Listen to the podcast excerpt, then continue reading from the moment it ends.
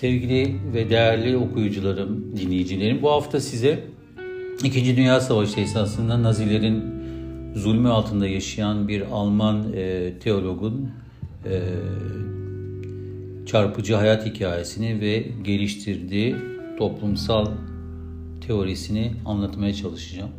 Başlığım aptallığın önlenemez yükselişi. Şöyle onun bir e, konuşmasıyla başlıyorum tırnak içinde. Aptallık iyinin kötüden daha tehlikeli bir düşmanıdır. Aptallığa karşı hiç savunmamız yok.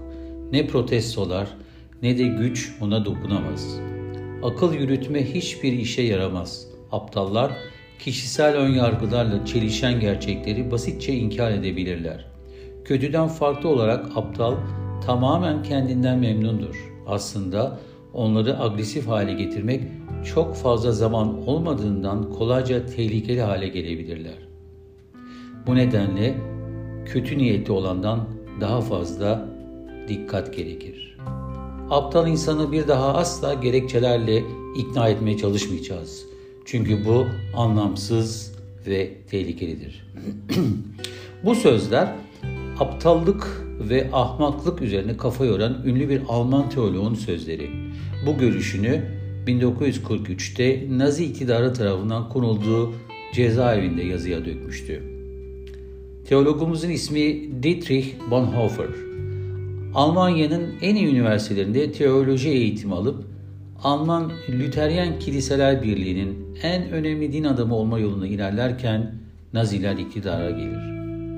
Bonhoeffer, Nazilerin düşüncelerinden daha çok bu kadar din adamı, sanatçı, akademisyen ve entelektüelin Nazi propagandası karşısında adeta hipnotize olup kötücül rejimin peşinden gitmeleri etkilemişti.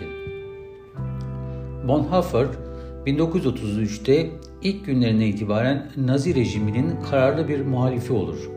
Hitler'in şansölye olarak atanmasından iki gün sonra Bonhoeffer, Hitler'i kıyasıya eleştirdiği ve Almanya'yı putperest bir Führer kültüne kaymaya karşı uyardığı bir radyo yayını yapar ama yayın yarıda kesilir. Aynı yıl kiliselerin Yahudilere karşı yapılan zulme karşı seslerini çıkarması çağrısı yapar. Ancak başaramaz. Zira yıllar içinde kiliselerin en üst yönetimlerine Hitler'i destekleyen din adamları seçilmiştir. Bu duyarsızlık Hristiyanlığın mazlumun yanında olduğu bir din olduğu inancı nedeniyle Bonhoeffer'da büyük bir hayal kırıklığı yatar, yaratır. Muhalifliği daha da artar ve iyice Nazilerin hedefine girer.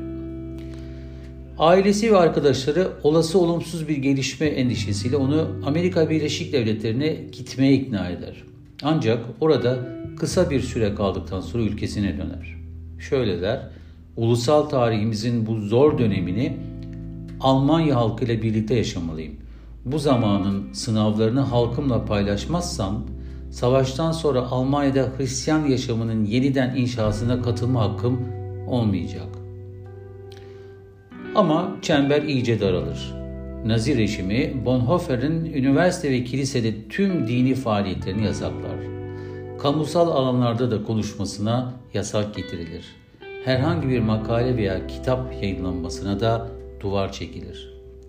Nazi rejiminin ayakta kalmasının en nihayetinde Hristiyan uygarlığının yok olması anlamına geleceğini savunan Bonhoeffer, Alman halkının ya Nazi rejimi ya da Hristiyanlık ve uygarlık gibi iki karşıt alternatif ile karşı karşıya kaldığını düşünür ve seçimini Nazi rejiminin yıkılması yönünde yapar. Kız kardeşinin kocası Hans von Dohnanyi'nin teşvikiyle Nazi karşıtı askeri istihbarat örgütü Abwehr'e girer. Örgütteki misyonu yurt dışı benzer örgütlerle ve Nazi karşıtı Batı İttifakı din adamlarıyla yazışma ve gizli görüşmeler yapmaktı. Ayrıca Dohnaniyeli ile birlikte kimi Alman Yahudilerini İsviçre'ye kaçırmakla görevlendirilir ve bunda da başarılı olurlar.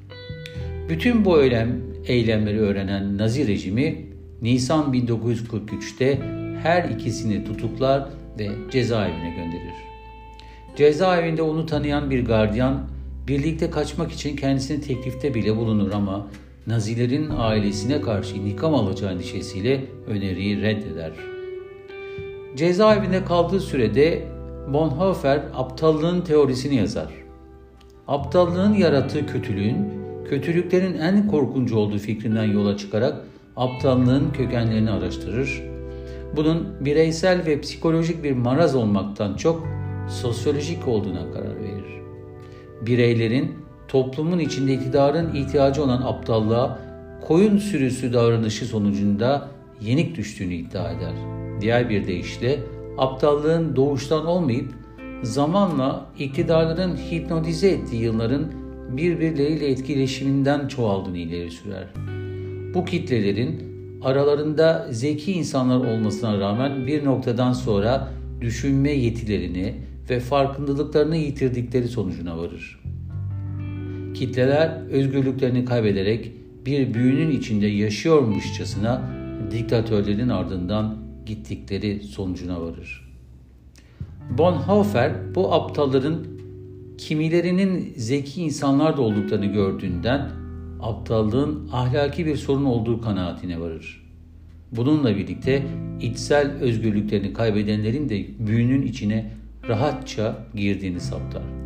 Onun için kurtuluş, bireyin ahlaki sorumluluğunu hatırlayıp özgürlüğüne kavuşmasıdır. Bunu da bir din adamı olarak Nazilerden kurtulduktan sonra Hristiyanlığın beyaz bir sayfasını açarak bu süreci hazırlayacak yeni bir dini hayatta formüle eder cezaevinde kaldığı sürede. Lakin şeytan kapıya dayanır ve gücünü aptallardan alan diktatörün adamları onu ilk önce Flossenbürg toplama kampına götürür. Sonra da Hitler'e suikast tertipleyen ekibin bir elemanı olması iddiasıyla ölüme mahkum edilir. Bonhoeffer, Amerikan askerlerinin toplama kampına varmalarından sadece 14 gün önce 9 Nisan 1945'te kampın meydanında çırılçıplak asılır. Son sözü bu bir son ama benim için aslında hayatın başlangıcıdır olur. Biyografisinde idama tanıklık eden kamp doktorunun şu sözleri dikkat çeker. Rahip Bonhoeffer'ı yerde diz çökmüş Tanrı'ya hararetle dua ederken gördüm. Bu sevimli adamın dua etme biçiminden çok derinden etkilendim. Öyle dindar ve öyle emindi ki Tanrı'nın duasını işittiğini biliyordu. İnfaz yerinde tekrar kısa bir dua okudu ve ardından dar ağacına giden birkaç basamağı cesur ve sakin bir şekilde tırmandı.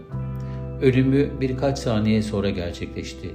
Doktor olarak çalıştığım yaklaşık 50 yılda Tanrı'nın iradesine bu kadar tamamen boyun eğen bir adamın öldüğünü neredeyse hiç görmemiştim.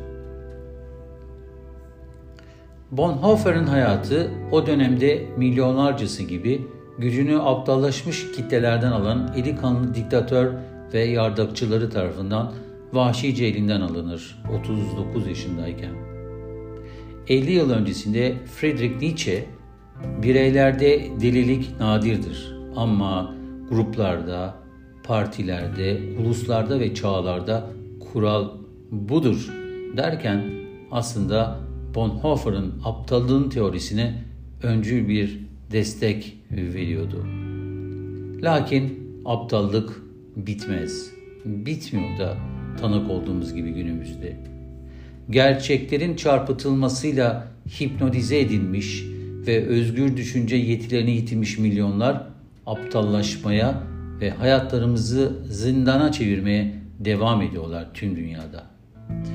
Hakikati arayanlar için tahammül edilmesi ne zor bir durum olsa gerek.